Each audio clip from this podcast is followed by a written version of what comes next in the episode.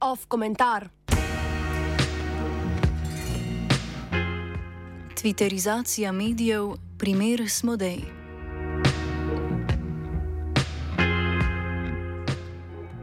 Predstavljajmo si idealni svet, kot so si ga pred dobrim desetletjem zamislili tisti avtorji, ki so najbolj navdušeno spremljali razvoj družbenih omrežij in novih medijev.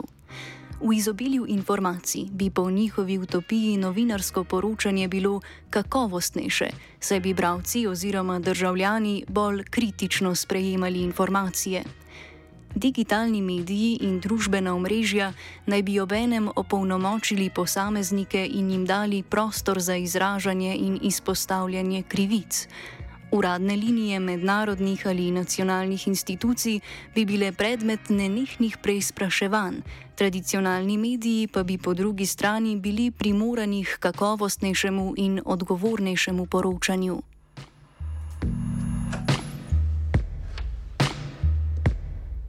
Poglejmo v realnost in aktualno zgodbo, ki smo jo lahko podrobno spremljali večji del avgusta. Pred nekaj tedni je bila na Instagramu ustvarjena skupina proti nasilju Dušana Smodeja, v kateri so uporabnice s številnimi anonimnimi objavami novomeškega kulturnega Smodeja bremenile spolnega nasilja in tudi finančnih ter ostalih prevar. S tem primerom bi lahko vzpostavili argument, da je Instagram skupina predstavljala pozitiven vpliv družbenih omrežij. Žrtvam je vlivala zaupanje tam, kjer so ga uradne institucije izgubile. Ustvarila je okolje, lahko mu rečemo tudi odmevna komora, kjer so žrtve brez pritiska okolja ali strahu pred obsojanjem lahko pričevale o nasilju.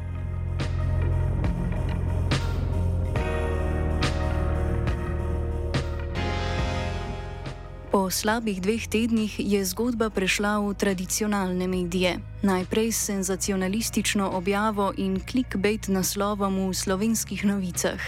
Dodatno navezavo na parlamentarno politiko je zgodba dobila, ko jo je pograbil Bojan Požar še z nekaj drugimi desnosučnimi mediji in kvazi novinarji.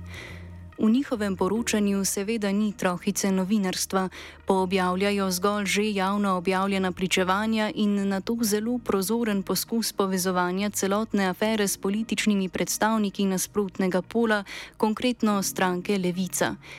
Pri teh poskusih lahko govorimo o primeru afektivne polarizacije, o kateri je na radiju študent že govoril Jrnej Kaluža gre za poudarjanje konfliktnih tem in zbujanje negativnih čustev do nasprotne skupine, manj pa za navezanost na lastno skupino oziroma lastna stališča.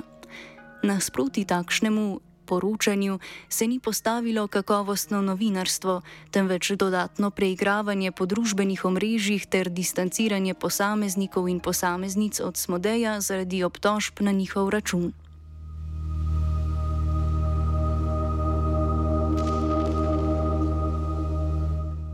Pomočjo take polarizacije je obravnavana tema.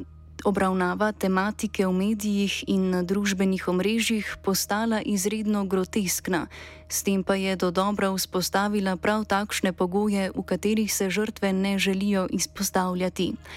Nekoliko paradoksalno pri tem je, da je to vrstno poročanje o tematiki spodbudila prav logika družbenih omrežij, ki s pomočjo algoritmov in hitrejšega povezovanja podobno mislečih krepko pripomore k ustvarjanju mnenjskih mehurčkov. Skratka, logika, ki je sicer izpovedi žrtev sploh omogočila.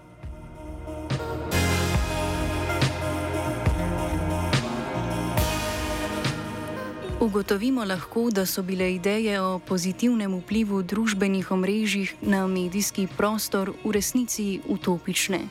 Vpliv tradicionalnih medijev je na račun družbenih omrežij res da manjši, a po drugi strani je iluzorno trditi, da so s tem večje zaupanje pridobili tisti bolj avtonomni ali, če želite, kakovostni novinarski viri preiskovalnih poskusov odkrivanja ozadja, dejstev in vzrokov, ne na zadnje strukture kulturniških krogov, v aktualnem primeru ni bilo. Ali pa vsaj njihovi rezultati še niso vidni. V slovenskem medijskem prostoru lahko namesto tega opazimo, da dominantne medije v veliki meri uspejo nadomeščati drugi akterji, Twitter profili, včasih tudi neposredni nosilci politične moči ali posamezniki, ki so jim blizu. Osrednji mediji pa za njimi zgolj povzemajo.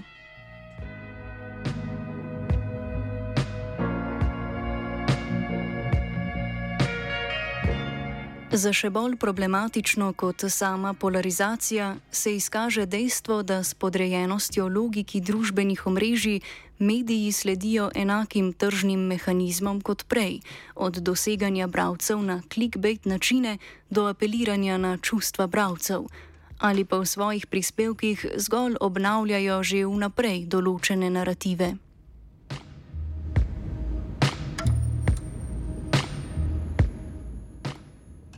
Primer Smodej kaže na to, da je pomen javnih institucij in medijev, ki sploh lahko omogočijo, da je pravici v takšnih primerih zadoščeno, še vedno zelo bistven. S tem nočemo trditi, da bi krivice odpravili preprosto s prehodom v čas pred polarizacijo, druž popularizacijo družbenih omrežij. Vseeno aktualnost razkriva pomen avtonomnega in kritičnega novinarstva, za katerega se zdi, da se je v trenutni družbeno-politični klimi znašlo v precejšnji krizi. Glede na poskuse uničevanja slovenske tiskovne agencije in še aktualni poskus političnega podrejanja javne radio-televizije, lahko trdimo, da ta kriza najbolj ustreza tisti politični opciji, ki je logiko družbenih omrežij v svojih strankarskih medijih tudi najbolj izpopolnila.